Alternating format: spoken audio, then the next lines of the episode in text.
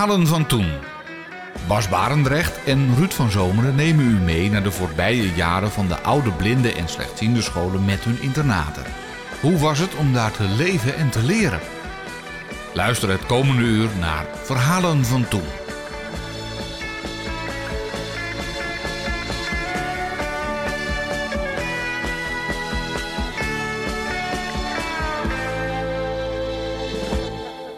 Deze voorlopig laatste aflevering van Verhalen van Toen, daarover straks aan het eind nog iets meer, het verhaal van Henry Westerhof uit Hengelo.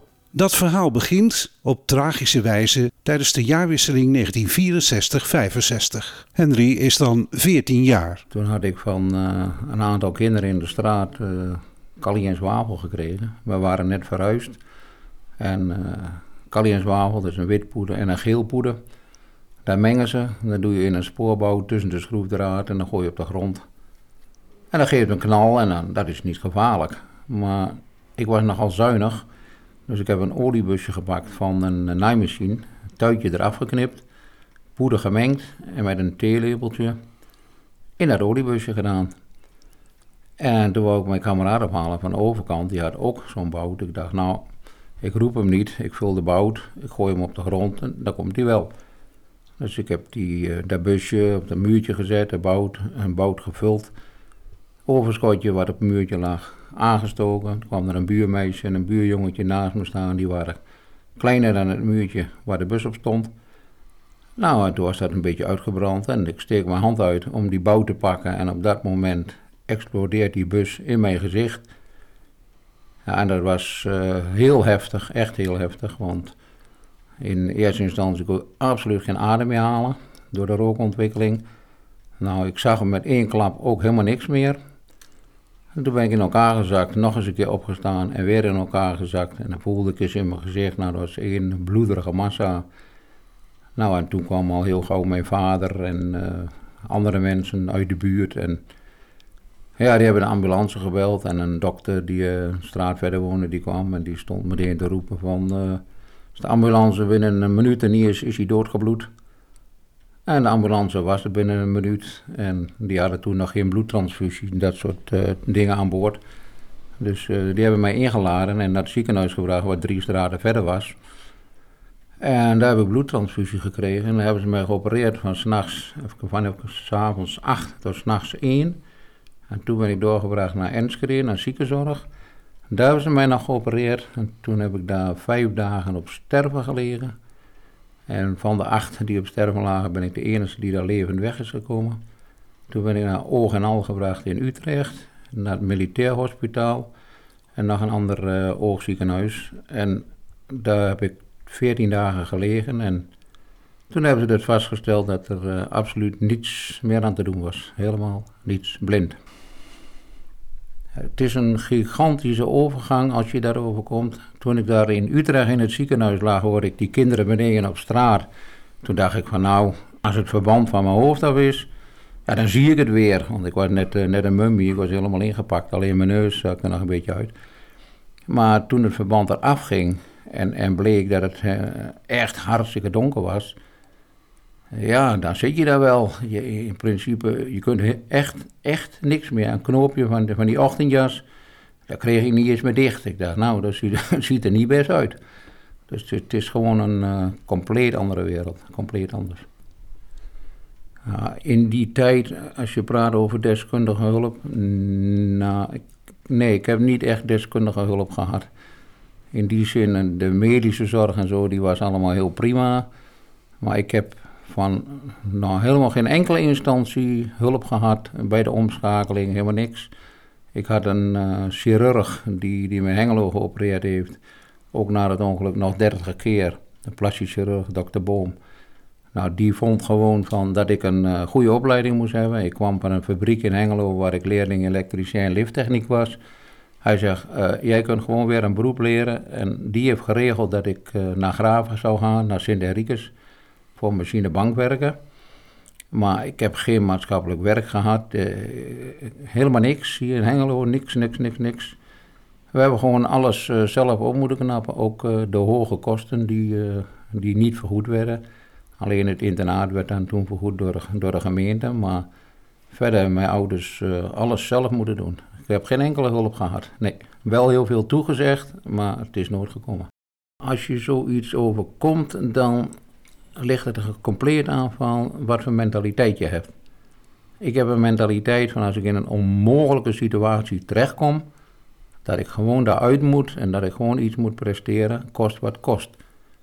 En ja, in het begin dan is het gewoon, je kunt niks, je kunt de Eerste Kamer niet vinden, niks, want oriëntatie, niets is er. En toen ik thuis heb nog drie, vier maanden moeten liggen om, om op krachten te komen en, en ja, door alle verbandtoestanden er weer afgingen en al. En ja, toen kreeg je de bijnaam al gauw van een heleboel mensen verminkte. Nou, dat was ook zo. Mijn hele gezicht was helemaal, echt, echt helemaal kapot. En ja, daar zit je van, wat ga ik doen? Uh, blijf ik hier zitten? Of ja, mijn ouders die hadden een enorme dreun daarvan gekregen. En ja, dat is ook al iets wat ik niet wou. Dus ik ben heel langzamerhand begonnen met iets geks. Ik heb voor een pakje sigaretten heb ik een uh, moblet bromfiets overgenomen van een verzekeringsman. en ik dacht van ik wil bromfietsmonteur worden. Ik dacht ik, ik, ga, ik ga het gewoon doen. Dan kunnen de ouders zien van jongens het is niet hopeloos, uh, er zijn mogelijkheden. En ik ben toen begonnen te sleutelen met, uh, met dat kapitein mobletje. En, en iedere keer een beetje gereedschap erbij en een beetje onderdelen. En en toen hoorde ik de buurman nog zeggen tegen mijn vader, nou, eh, als hij dat kan, uh, dan is het ook niet moeilijk. Dat kan het niet. En dan wordt nooit wat. Nou, ik heb dus acht jaar erover gedaan om krijtelen, sundap en dat soort dingen allemaal compleet te kunnen repareren. Versnelling, alles, alles, alles. En mijn vader heeft een werkplaats voor mij laten bouwen. En ja, toen ging je van het een naar het andere. Toen kreeg je weer kennissen die handelden in brommers. En mijn broer die kocht ze, ik repareerde ze, een ander verkocht ze. Ja, en zo langzamerhand zagen mijn ouders ook van, hé, hey, dat is helemaal niet eindig. En voor mij ook het gevoel van, dat is niet het einde, er, is veel en veel meer mogelijk. Alleen kost gigantisch veel moeite en, en daar moet je in doorzetten. En dat heb ik gedaan. Kijk, maak je iets om te laten exploderen en het gaat mis, ja, dan denk ik dat het schuldgevoel groot is. Maar het is never nooit de bedoeling geweest. Ik wist ook niet dat het kon. Kijk, en, en dan is het is een ongeluk. Het is anders. Maar niettemin, uh, mijn vader die, die, die hebben daar altijd heel moeilijk mee gehad, tot in latere jaren. En toen ging dat stukken beter. Want ja, door wat ik deed, kwamen, kwamen er ook hele andere mensen over de vloer. Wat normaal eigenlijk niet zou gebeuren. Hè? Als je niet met brommers doet, dan krijg je een heleboel mensen in die zin niet. Als je gewoon thuis zit voor de televisie, gebeurt er niks. Dus mijn vader was later de financier van de Brommers en die kreeg ook een deel van de winst. Ja, en, en toen draaide dat gewoon, dat, dat, dat, dat ging vanzelf, was vanzelfsprekend. Hè? Als je met bromfietsen begint, ik, ik heb ze toen gezien voor dat ongeluk, maar verstand absoluut helemaal compleet niks. Ik weet alleen dat je hem aan kon trappen en dat je erop kon rijden, dat er een gas op zat en dat er een rem op zat. Maar hoe het systeem werkte, helemaal compleet niks. Ik ben daar gewoon aan begonnen. En met hele kleine onderdeeltjes heb ik zo dagen gedaan om één heel klein onderdeeltje te pakken en hem precies op zijn plaats te zetten, dat dat dus heel vlot ging. En bij slecht weer zat ik onder een dekzeil in het begin. En ik ben gewoon van het een in het ander gekomen. En ja, ik, ik had er aanleg voor. Het, het, het, ging prima, steeds moeilijkere dingen. En op die manier uh, ben ik er gewoon helemaal ingerold. En speciale gereedschappen gekocht via een, uh, een bedrijf hier in Hengelo. En ja, die heeft mij geholpen met technische gegevens van de fabrieken waar je normaal niet aankwam. En de speciale gereedschappen. En op laatst ging dat gewoon rollen. Op laatst was het gewoon, gewoon ja, die, die, die brommer is kapot, die moet door elkaar, een nieuwe versnellingsbak in. Nou goed, uit elkaar een nieuwe versnellingsbak in. Op laatst werd het gewoon heel gewoon. Maar ik heb er wel heel acht jaar over gedaan om al die dingen zo te kunnen. En niet van klungel, klungel. Nee, gewoon dat ding moet door elkaar en met twee, drie uur moet hij weer in elkaar en dan moet hij kunnen rijden, klaar. Alle onderdelen, alle toestanden, alle manieren om het eh, in elkaar te kunnen zetten, want je krijgt te maken met puntjes en streepjes in een bepaalde stand van een versnelling. Dat moet gewoon exact kloppen. Klopt dat niet, dan werkt de hele versnelling niet. En bepaalde onderdeeltjes moeten precies op de plaats, anders loopt de motor vast en dan krijg je de grootste ongelukken. Dus die dingen die heb ik heel goed geoefend. En dat ik er zelf 100% zeker van ben dat die ook veilig in elkaar zit. Want ik, ik hou er niet van om iemand de weg op te sturen met een brommer. En dan te denken van oei, zou ik het wel goed gedaan hebben. Dus die dingen die klopten allemaal. Ik heb ook nooit geen ongelukken meegemaakt dat er iets niet goed ging. Het is gewoon een kwestie van uh, verantwoordelijkheidsgevoel. En, en het willen van, de ding moet gewoon goed. Well, you've got your diamonds and you've got your pretty clothes and the chauffeur drives your car. You let everybody know, but don't play with me cause you're playing with fire. Your mother, she's an heiress owns a block in St. John's Wood, and your father'd be there with her if he only could. But don't play with me, cause you're playing with fire.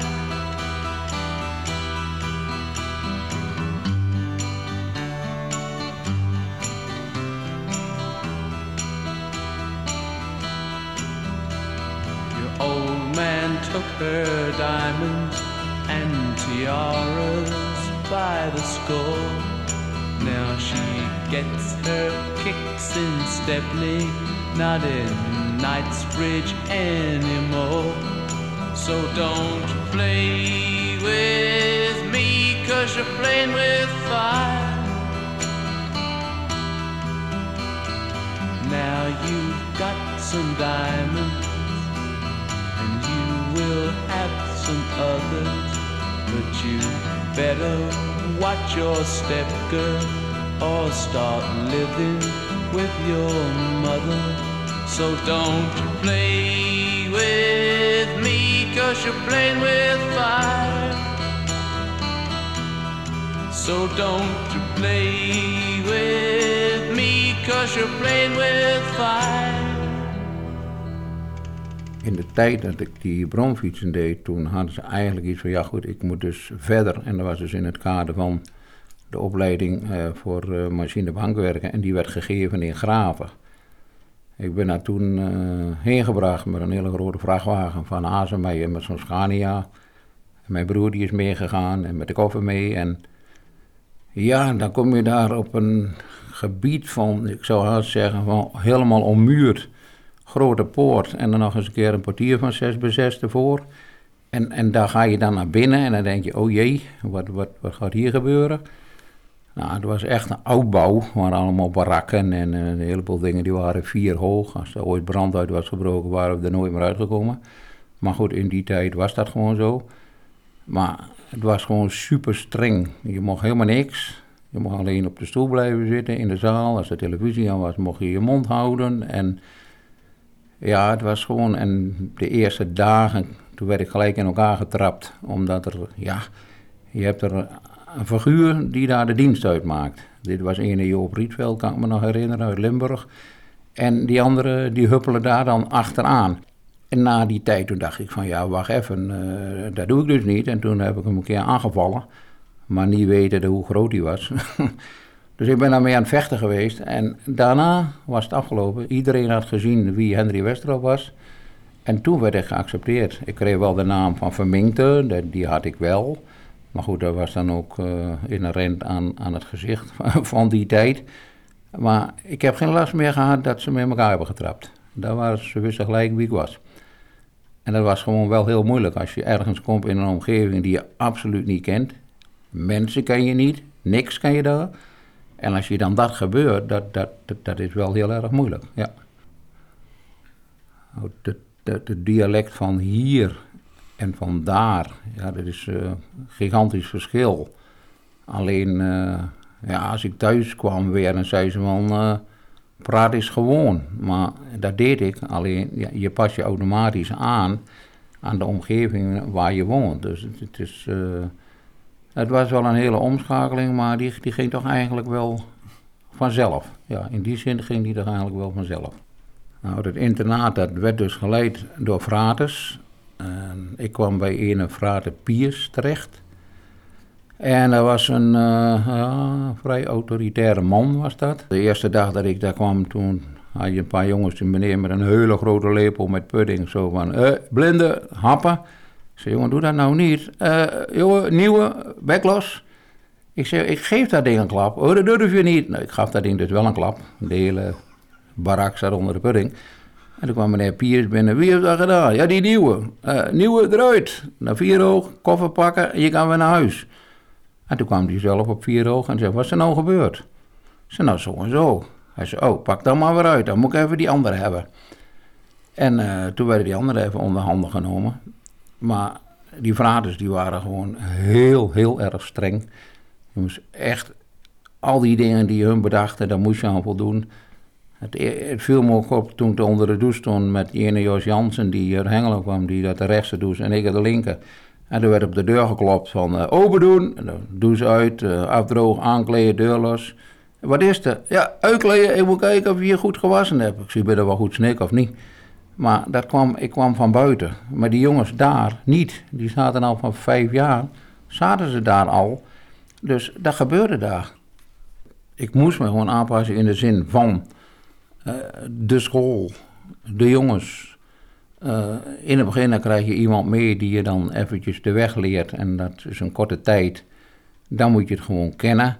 Maar verder moest ik, zat van s morgens negen tot s avonds kwart voor tien, moest ik naar les. Want dit was de laatste opleiding, wat ik toen dus wist, voor machinebankwerken.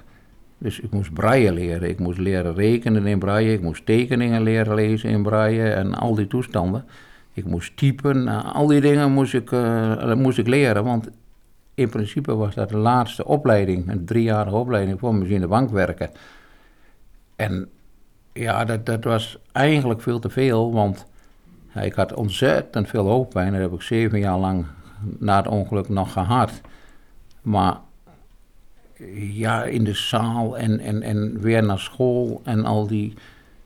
Ja, het gedrag van iedereen is anders, want die jongens komen uit allerlei eh, plaatsen van, heel Nederland. En ja, maar er is altijd één of twee waarvan je denkt van, hé, hey, dat klikt.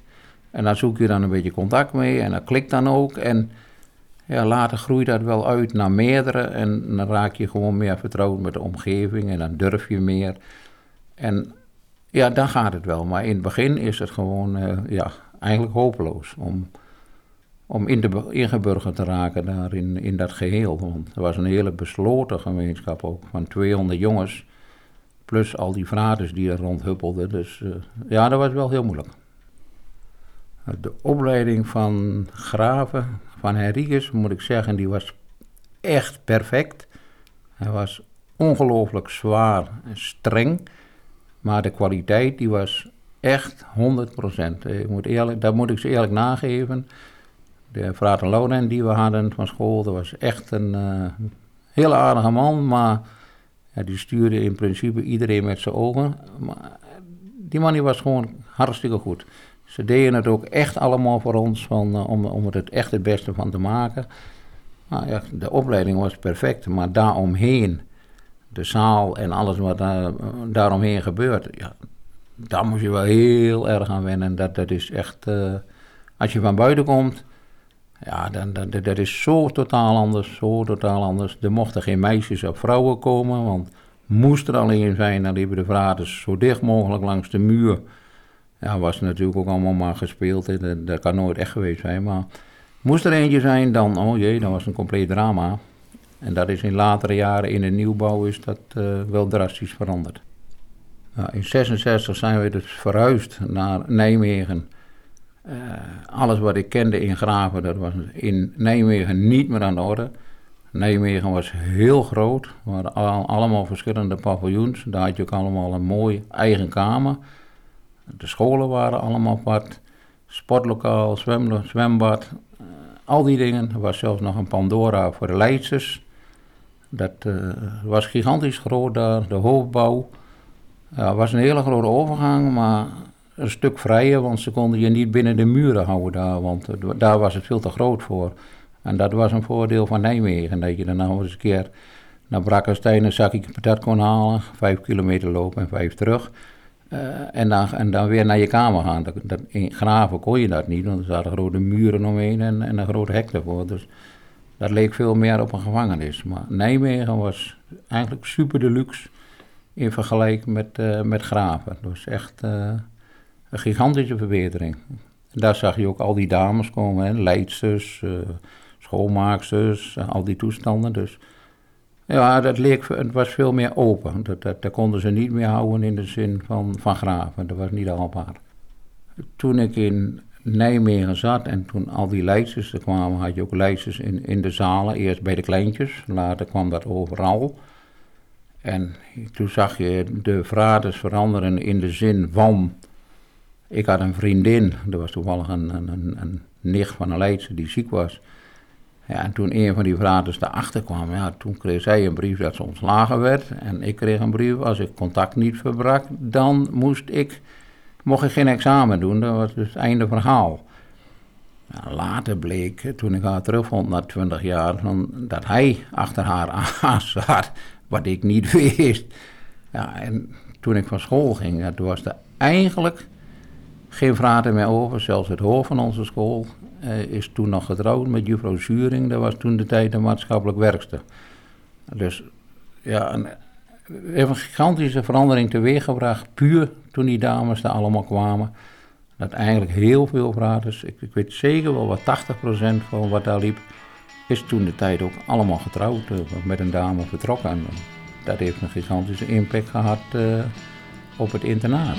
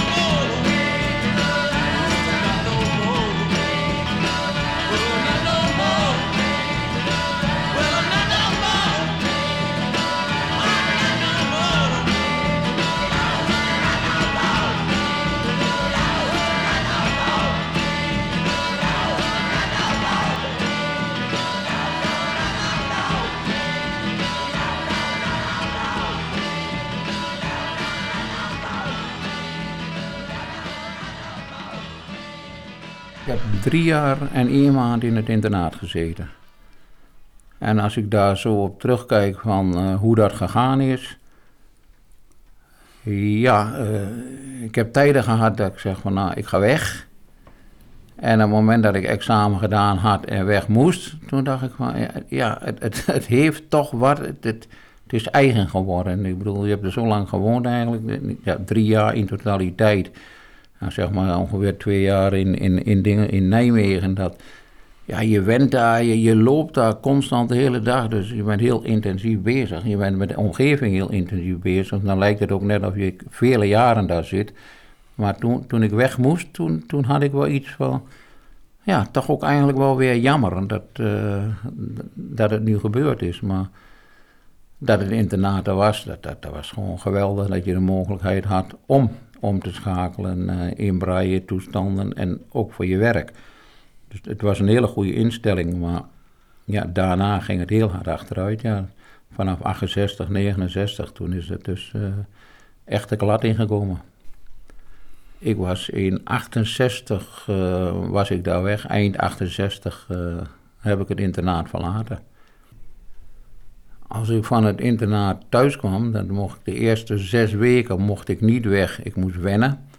En er waren, er nog maar heel weinig toen. En ja, en dan loop je daar het hele weekend daar in, in het internaat. Daarin, dat was toen in Graven, ik mocht niet weg. Nou ja, wat voor zin dat had, en, snap ik ook eigenlijk niet. Maar goed, later mocht je ieder weekend mocht je naar huis. En dan ging je gewoon vanaf zaterdagmiddags 12 uur. Morgens moest je nog eerst weer naar school. En dan mocht je naar huis, maar als je dan thuis komt, is het in die zin anders dat je vrienden en vriendinnen, die zijn weg. Die zijn gewoon allemaal hun eigen gang gegaan. Eén, één vriend heb ik altijd nog contact mee gehouden dan. Maar voor de rest is het gewoon allemaal weg. En, en dan zit je wel thuis, maar je broers en zo, die zijn ook allemaal ouder geworden. Die hadden ook allemaal uh, vriendinnen en die gingen in dansen. En ja, dat kon ik niet, want ja, ik kon wel dansen, dat hadden we in Nijmegen geleerd, maar ik kon niet in een omgeving met rook vanwege de pijn aan de oogleden, want dat, brandt enorm. Dus af en toe ging ik mee, maar ja, dat was gewoon wel heel moeilijk. En dan kom je thuis te zitten en ja, je vader en moeder, die, die, vooral mijn vader, die, die, was, ja, die heeft er een gigantische dreun van gehad. En ja, dan, dan op laatst, dan, ja, wat, wat ga ik nu doen? Hè? Je zit dan thuis en je vertelt van het internaat en uh, wat je doet. En je komt met de rapporten en zo. Nou, dat ging allemaal heel prima. Maar ja, dan zit je toch weer thuis, want ja, waar, ga je heen? Vrienden, vriendinnen, die, die, die zijn allemaal op. En ja, wat moet je dan doen? Nou, dus ja, maar weer gewoon doorgegaan met, met bromfietstechniek, moeilijker dingen. Maar in, in principe was het een vlucht in de techniek om, om die andere dingen te vergeten. En daarom ben ik toen met die techniek van die brommers ook heel ver gekomen, omdat ik gewoon per se dat wou doen en per se dat wou kunnen om verder te kunnen. Maar het was gewoon wel moeilijk als je thuis kwam en iedereen was voetzie. Nou, in de grote vakantie en zo, dan had ik een aantal jongens van, uh, van Henriques. En ja, die, die, die kwamen bij ons. Eentje die kwam van Curaçao, die had dan geen ouders hier, niks. En uh, die woonde bij een paar mensen in Graven, maar die wou ook wel eens een keer anders heen. En die kwam dan eens een keer een, een, een weekie. En een andere jongen die, die zag nog vrij redelijk. Uh, en ja, daar gingen we met de brommer rijden. En ja, en in de grote vakanties en zo, die, die, die gingen eigenlijk toch wel vrij vlot vandaan. Omdat toch ook weer in die tijd altijd bromfietsen uh, de hoofdmoot was. Met, met, met, ja, met sleutelen en, en de contacten die je daar dan weer door kreeg. En, mijn jongste broer die is toen heel erg mee bezig gegaan. Niet met repareren, maar gewoon met inkopen en verkopen. Ach ja, en dan moest je hierheen en dan moest je daarheen. En ja, dat, dat rolde wel door. Ik, ik heb nooit geen probleem gehad met uh, de vakantie of met het duur van de vakantie. Dat, uh, dat ging vrij vlot. Sitting in my bedroom late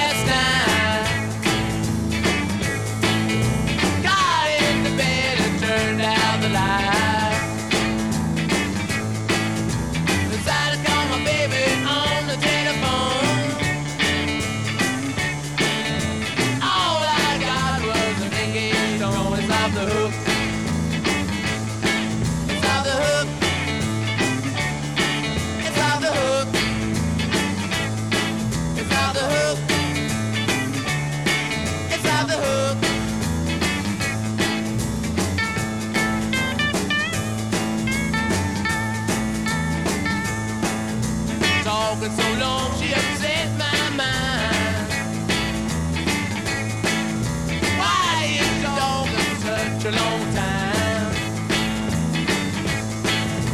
Maybe she's sleeping, maybe she's ill.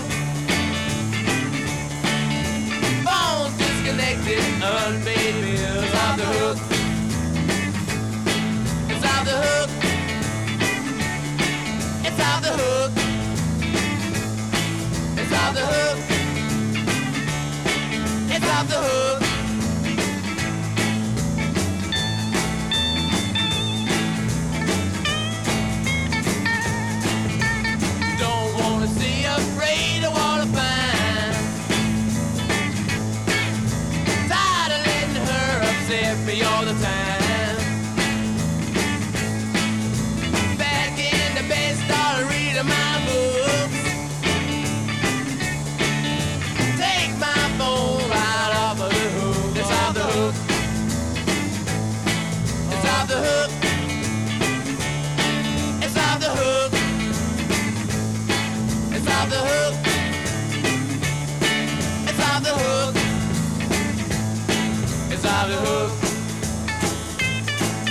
Off the hook. It's off the hook. It's off the hook. Vroege muziek, 1964, 1965 van The Rolling Stones. It's Off the Hook heette dit nummer. Omlijsting voor het verhaal van Henry Westerhof in het programma Verhalen van Toen bij Radio 509. Het doel waar ik voor eigenlijk in Nijmegen gezeten heb destijds was eigenlijk eh machinebankwerken. En, en machinebankwerken, ja, dat houdt in, het, zijn machines die, die producten maken. Die maken onderdelen voor, voor machines en, en motoren. Het is, eh, ja, eh, pak een appel en schil hem af. Eh, dan heb je, of maak hem vierkant met je mes.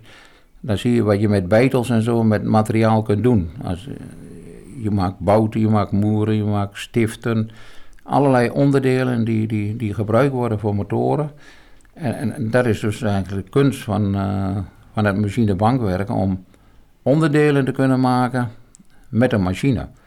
En dat, eh, nou goed, dan werk je met een schuifmaat, je met een micrometer, op duizendste millimeter nauwkeurig. Het is allemaal in braille. Dat gaat heel prima. Je moet er alleen feeling voor hebben. Je kan niet een betelding materiaal aanzetten wat je daar doet, want dan klapt gelijk de hele boel eh, dubbel. En dat is er nog link ook. Het is wel een kwestie van aanvoelen en training. En nou, dan kan je hele mooie producten maken. En de bedoeling was dat ik terug zou gaan met het diploma naar de fabriek waar ik wegkwam. Maar die zei na drie jaar en één maand van we gaan automatiseren. Dus ik had wel een diploma, maar ik kon nergens bij geen enkel bedrijf terecht. Dus in die zin, ik heb daar heel veel geleerd, maar in de praktijk, qua draaiwerk, heb ik er nooit iets mee kunnen doen. Je kunt wel degelijk heel veel onderdelen maken. Het ligt er net aan wat voor type machine, als je, als, waar je achter komt te zitten. Want het is niet alleen een massaproductie. Die machines die konden wij zelfstandig konden wij die instellen met aanslagen. En dat komt gewoon omdat wij beschikken over een braille schuifmaat. En daar kun je altijd alle dingen mee afmeten. Er waren bepaalde dingen, dat de leraar zei van nou, uh, dat en dat stel ik af, omdat er dus op de machine gewoon een aanduiding stond met hele kleine streepjes die niet voelbaar waren. En, en dan heb je geen keus. Dan, uh, dan wordt die gewoon daarop ingesteld en moet je daarna handelen. De opleiding voor machinebankwerken die was in de jaren 60, uh, jaren, eind jaren 50. Ja, dat, de fabriek waar ik vandaan kwam, in die draaierijen, heb ik ze gezien, die machines. Er was ook een enkeling die uh, blind was en die daar werkte, al, al heel lang. Maar die zat niet wel achter een AI-machine waarvan je zegt van, uh, van de massaproductie. Maar er werd wel degelijk, werden die machines gebruikt en wel degelijk zat daar heel veel werk in. In latere jaren, toen eigenlijk wel 10, 15 jaar later, nadat ze tegen mij gezegd hadden dat ze gingen automatiseren, zijn die machines ook geautomatiseerd. Dat is ook gewoon gebeurd. Maar toen je wel 15, 20 jaar later, toen ik solliciteerde, was dat eigenlijk helemaal niet aan de orde. Ja, de fabriek die heeft gewoon een smoes gebruikt dat, uh, dat ik niet terugkom. Maar ik heb eigenlijk nooit begrepen waarom of dat geweest is. Want de bedrijfsleider en de, en de, de arts van het bedrijf, die, die, Ja, die hebben het vuur uit de sloffen gelopen voor mij. Die hebben van alles gedaan, braaienborden gemaakt en, en ik weet bij god allemaal niet wat. En zo in één keer was het klaboom afgelopen en ik heb nooit begrepen waarom. Dat, er moet ergens iets gebeurd zijn wat mij niet bekend is. Maar het, kan niet zo zijn dat die lui dat drie jaar lang gedaan hebben. En dan in één keer klaboom, uh, hè, we kennen je niet meer. Dat, dat kan niet. Ik heb in die tijd bij een heleboel bedrijven heb ik gesolliciteerd. Maar overal was precies hetzelfde liedje van... Nou, nee, nee, nee, doe maar niet, doe maar niet. Als, als je solliciteerde en je zei niet dat je blind was... Zei, oh ja, dat, dat, ja, ja, die hebben we nodig. En als je zei, ja, nee, maar ik zie het niet. Oh nee, nee, dat hoeft het niet. Dan, dan, dan dat is dat... Ja, en ik heb voor typist ook nog gesolliciteerd. Daar heb ik ook nog een opleiding voor gehad. Maar ook daar had je precies hetzelfde verhaal van ja, ja, dat is goed. En ja, nee, ja, dan moeten we dit aanpassen en dan moeten we dat. En, en ja, dat wordt allemaal niet wat. En uh, dat is allemaal mitsen en maren. En nou, uiteindelijk is daar dus gewoon helemaal compleet niets uitgekomen. En uh, ja, ook niet nadat ik in, in Apeldoorn nog eens een keer de opleiding Telex had gedaan en, en al die dingen. ja, ik heb alle opleidingen gedaan, maar het, het scoort niet op. En uiteindelijk, nou, toen de bromfietsperiode stopte, toen de valhelm kwam en niemand een bromfiets meer wilde, alleen nog Japanse sportfietsen. Ja, toen, toen hadden wij in die tijd ponies, ik had een weiland gekocht en wup. En toen reed ik met mijn broer een keer heen en toen stopte die in één keer. Ik zei, wat ga je doen? Hij zei, we gaan solliciteren. Ik zei, wat dat dan? Ja, hier is een SW-bedrijf in Engelo, SWB Midden-Twente. Ja, we gaan gewoon naar binnen. Ik zei, dat kan je toch niet doen? Nou, hij zei, tuurlijk. Nou, wij zijn naar binnen gestapt. En uh, zat een meneer Holman en nou, uitgelegd uh, wat de situatie was en weet ik wel. En, die man keek heel bedenkelijk, want ja, een blinde in de industrie, ja, dat, ja, ja, nee. Maar dan moesten ze alle scherpe kanten van de werkbanken en, en, en de machines die waren gevaarlijk. En, en ze maakten veren, dat is allemaal metaal en scherp. En, nou, ik heb gewoon gezegd, geef mij maar een jaar proeftijd. Ik zit in de WHO. Uh, als het lukt, uh, zeg het, kan ik gaan blijven. En als het niet lukt, dan zeg je gewoon, nou sorry, we hebben ons best gedaan en daar heb ik tevreden mee. Nou, ik heb toen uh, bericht gekregen dat ik kon beginnen op 1 september 80. En een week later kwam die van personeelszaken. Hij zei, nou, sorry, we hebben ons hartstikke vergist. Je kan gewoon blijven. En uiteindelijk heb ik daar 35 jaar gewerkt in, in de veren en later in de elektronica. Nou, ik vond dit werk heel bevredigend, omdat het geen prutswerk was in de zin van... hier heb je een simpel dingetje en doe maar, buig het maar om en, en dan, dan zijn we al tevreden. Nee, dat was niet. Er waren allerlei types van die veren voor fietsen, auto's, vliegtuigen. Je kunt zo gek niet bedenken. En dan moest allemaal op maat. Ook niet hij zegt van nou uh, buigen maar om en alles is wel goed. Dat ging allemaal echt precies. Dus ja, ik hou gewoon van werk wat, wat, wat goed moet zijn. Niet van een rotzooi maar een eind raak. En, en, dan heb je in ieder geval wat te doen. Maar dat was inderdaad, uh, wat wel eens een keer gebeurde. Mensen zeggen, nou een SW-bedrijf, nou ja goed, uh, je zal er wel een zakje moeten vouwen, wel. Maar dit was gewoon puur industrie. Een ander deel hadden ze toen de tijd nog braaien voor Lesage de Broek. Maar een ander ding, dat was puur industrie, elektronica en uh, metaal. Uh, die baas van mij, die belde laatst nog. Hij zei, nou, ik, had ik toen niet moeten zorgen dat je naar een ander bedrijf was gegaan. Nou, toen hebben we hem gelijk gezegd, nee. Want je kunt naar een ander bedrijf gaan, je kunt een ander werk krijgen. Maar de collega's die je hebt, als dat niet klikt en je zit ergens op, op een ander bedrijf en je zit er met tien man en dat klikt niet, dan zit je niet echt prettig. En dit, ja, dat, dat klikte. Een heleboel mensen daar kon geweldig goed mee opschieten. Uh, humor, uh, werken, uh, ging, dat ging perfect. Ik heb er geen dag spijt van gehad dat ik, dat ik daar naartoe ben gegaan. Ik heb jarenlang fietsen gerepareerd tandems ook. We, we, kregen toen een heleboel tandems via een actie van Mies Bouwman. Uh, maar goed, die, er waren Sparta-tandems. Die zagen er heel mooi uit, alleen de wielen en, en de, assen, alles, alles liep eruit. Daar, daar klopt toch helemaal geen ene moer van. En dan hebben we later, via via, hebben we toch de goede assen en de wielen gekregen. En die heb ik toen allemaal omgebouwd, die tandems. En ik heb ze jarenlang gerepareerd. En ook gewoon fietsen, voor kennissen en al die toestanden. Maar dat is op het moment ook niet meer. Fietsen en zo is ook aanzienlijk minder geworden met reparaties. Ik heb al die dingen gewoon gedaan als uh, hobby erbij, als bijverdiensten. Want ik, ik, in principe zat ik in de WHO, dus ik ging automatisch van de ziektewet, ging ik naar de WHO toe. En ik heb dat toen gewoon daarbij gedaan. In, in die tijd kon dat eigenlijk nog, hoef je nou niet meer te doen, maar toen kon dat gewoon allemaal nog.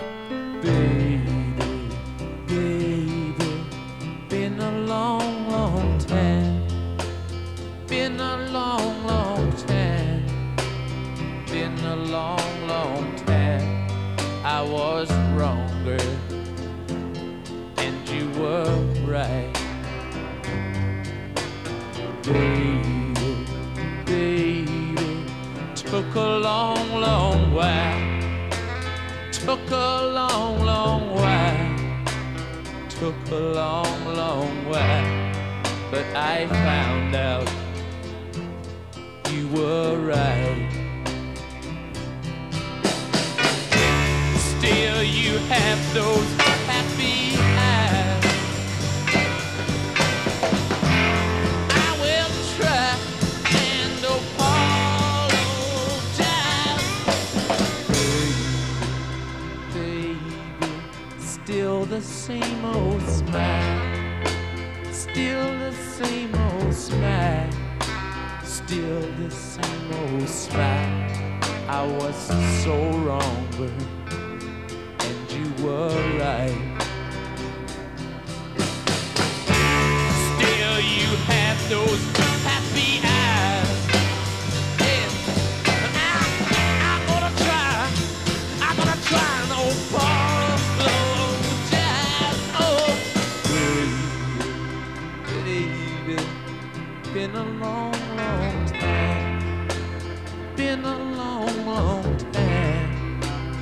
Been a long, long time. I was wrong, girl, and you were right. Oh, baby, baby, won't you change your mind? Won't you change your mind? Won't you? change your mind. I was wrong, girl, but not this.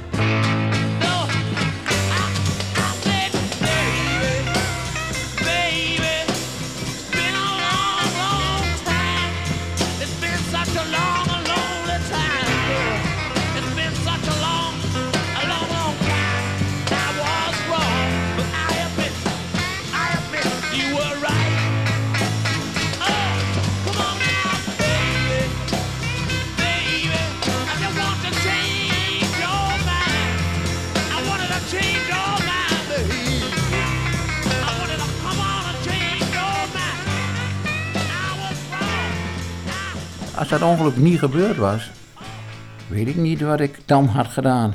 Geen idee.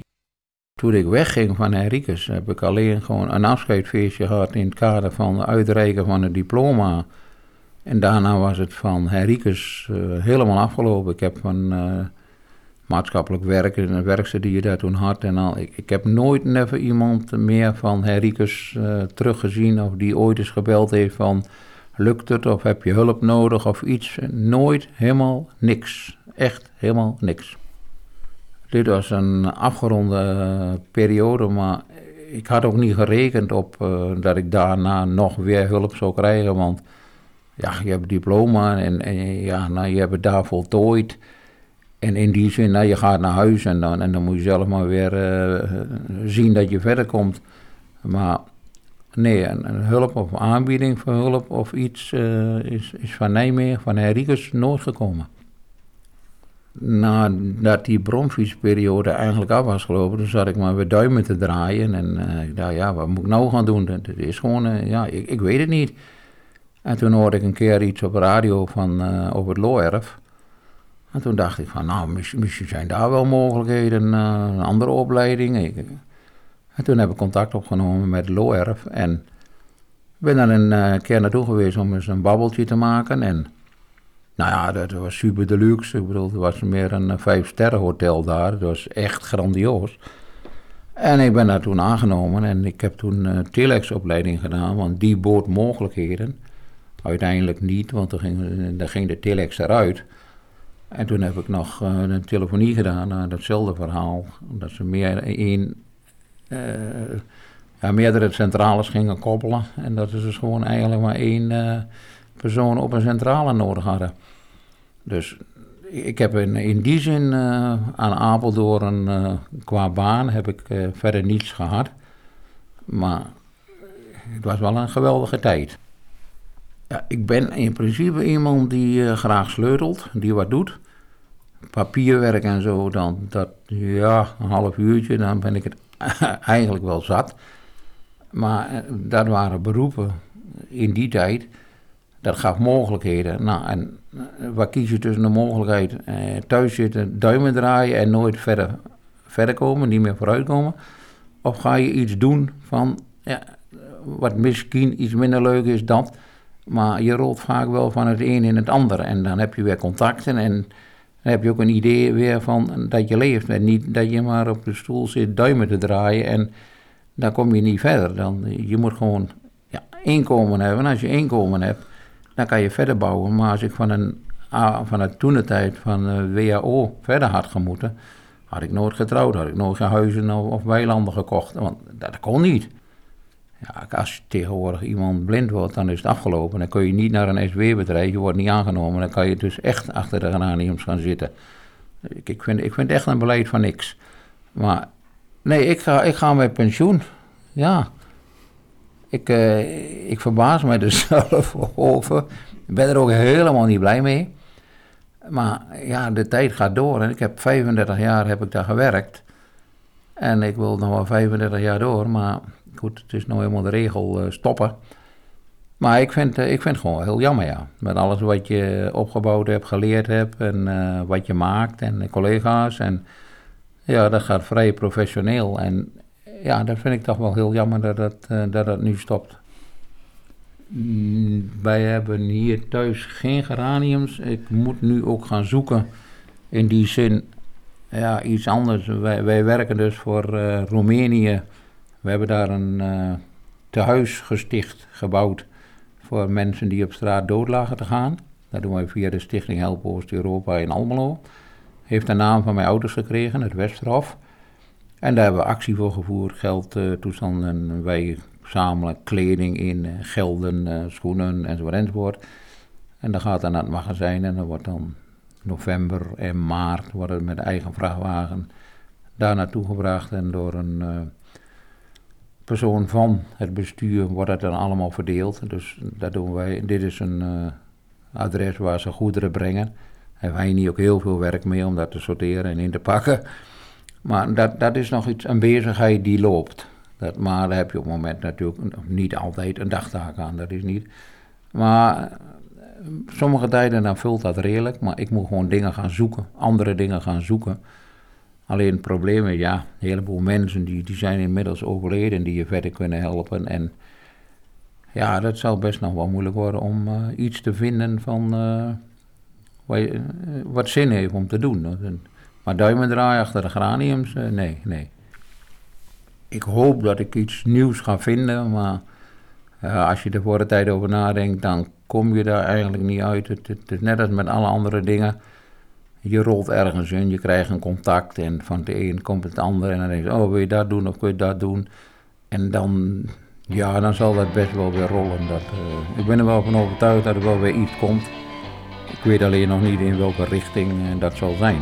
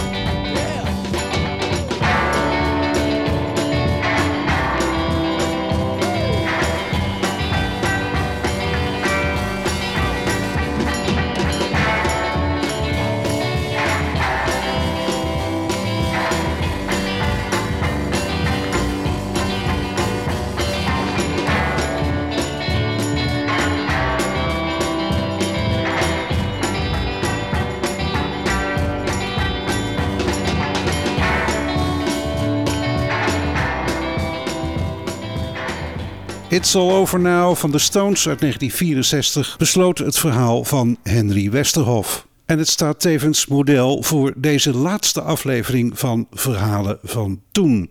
We hebben 26 afleveringen met heel veel plezier gemaakt, maar er moet natuurlijk eens een eind aan komen. Toch is er nog hoop, want begin volgend jaar hebben we nog een extra serie voor je in de aanbieding. Verhalen van Toen Extra. Dan gaan we praten met oud-medewerkers, onderwijskrachten of eh, mensen uit andere disciplines van de toenmalige blinde en slechtziende scholen. Wanneer precies die uitzendingen gaan plaatsvinden, dat weet ik op dit moment nog niet. Houd dus gewoon de media in de gaten en blijf luisteren naar Radio 509. Dan brengen we je daar natuurlijk tijdig van op de hoogte. Voor dit moment bedankt voor alle aandacht. Bedankt ook voor alle positieve reacties op deze uitzendingen. Fijne feestdagen alvast gewenst. Een fijne zondag ook. En tot een volgende keer. Dag. Verhalen van Toen is een programma van Ruud van Zomeren en Bas Barendrecht. Meer informatie is te vinden op www.radio509.nl